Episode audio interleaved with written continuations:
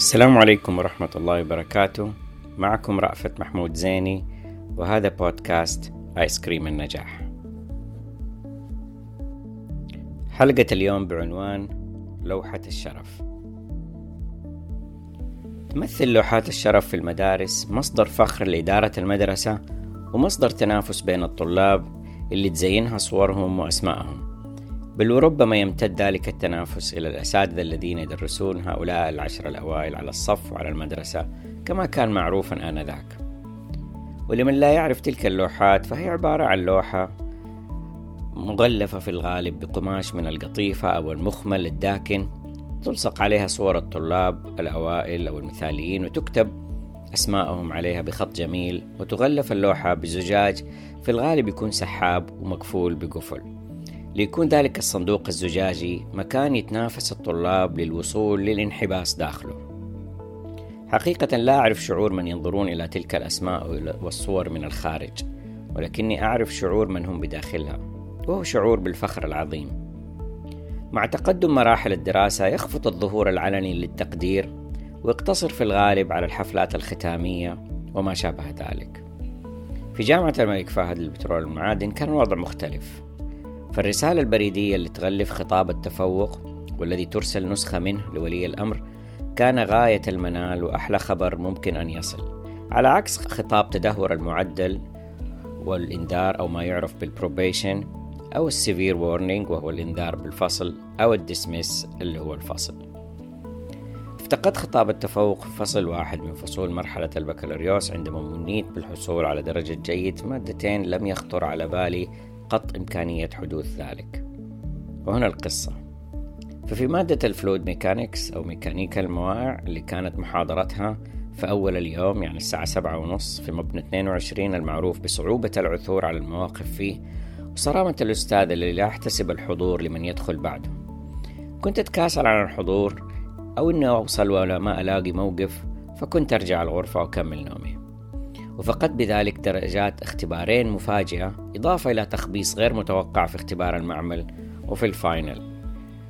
ففي الأول خلطت معادلتين في معادلة واحدة وفي الثاني غلطت في نتيجة طرح خمسة ناقص اثنين أكتبها اثنين والباقي عليكم. وعندما فوجئت بالدرجة توجهت للاحتجاج لأستاذ المادة الدكتور فيصل جمجوم آنذاك. وما كنت أعرف طبعا إيش اللي صار. فرد عليه بلهجته اللطيفة وهدوءه المعتاد بعد ما وراني الدرجات خلينا نشوف بقية درجاتك. فوجد أني كثير الغياب رغم ارتفاع درجاتي في الاختبارات الأولية طبعا. فلم تشفع لي في أي upgrade ينقلني من جرف ال C إلى حافة ال B وقال لي لا أستطيع أن أساويك بمن كان يحضر ويثابر ولم يكن له رصيد درجات اختبارات مثلك أنت. لم أجد ما أرد به عليه. فخرجت من مكتب وأمشي في ممر القسم الطويل متألما وملقنا درسا لن أنساه وهنا التفوق وتوازن بين عناصر متعددة والانضباط اللي يدل على الالتزام والاعتمادية عنصر جوهري فيه. لم تكن تلك هي المفاجأة الوحيدة في نفس الفصل الدراسي. كانت مادة المعادلات التفاضلية والديفرنشال equations من المواد المحببة لي ولكني أصبت بقلق ليلة امتحانها ولم أنم وشعرت بتعب شديد وعدم قدرة على التركيز أثناء الامتحان. فلم أكن أقوى على حل المسائل واختبار ال final نسبته 40% كفيل أن ينقل الطالب من ال A الامتياز إلى C اللي هو الجيد وهذا ما حدث. فأصبح حرصي على النوم المبكر ليالي الامتحانات عادة لا أتخلى عنها وهكذا فقدت خطاب قائمة الشرف بشرف.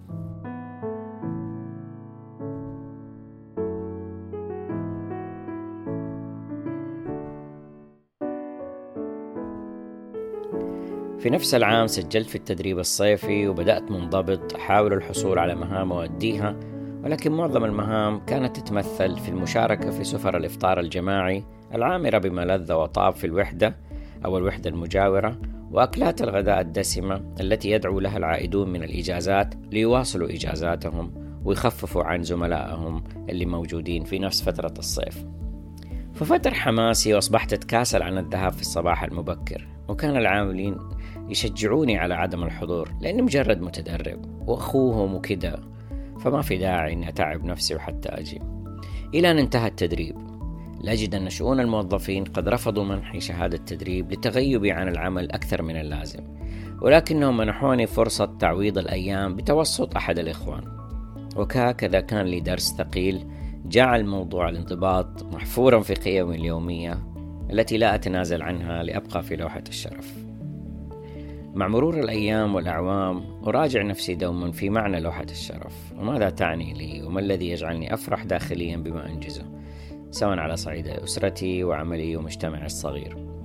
وأقول لكم بأن تفاعلكم مع حلقات بودكاست آيس كريم النجاح وذكرياتكم اللي تشاركوني فيها ومشاعركم التي تلامسها كلماتي هي ما يمثل لي لوحة الشرف. وبالمناسبة فقد وصلني إيميل مفاجئ من أخ كريم يعلمني بأنه عثر بالصدفة على بودكاست آيس كريم النجاح واستمع له وأكد لي بأن آيس كريم النجاح هو عنوان مصنع آيس كريم في جدة وباع والده من فترة طويلة. وهكذا لم يكن آيس كريم النجاح من نسج الخيال.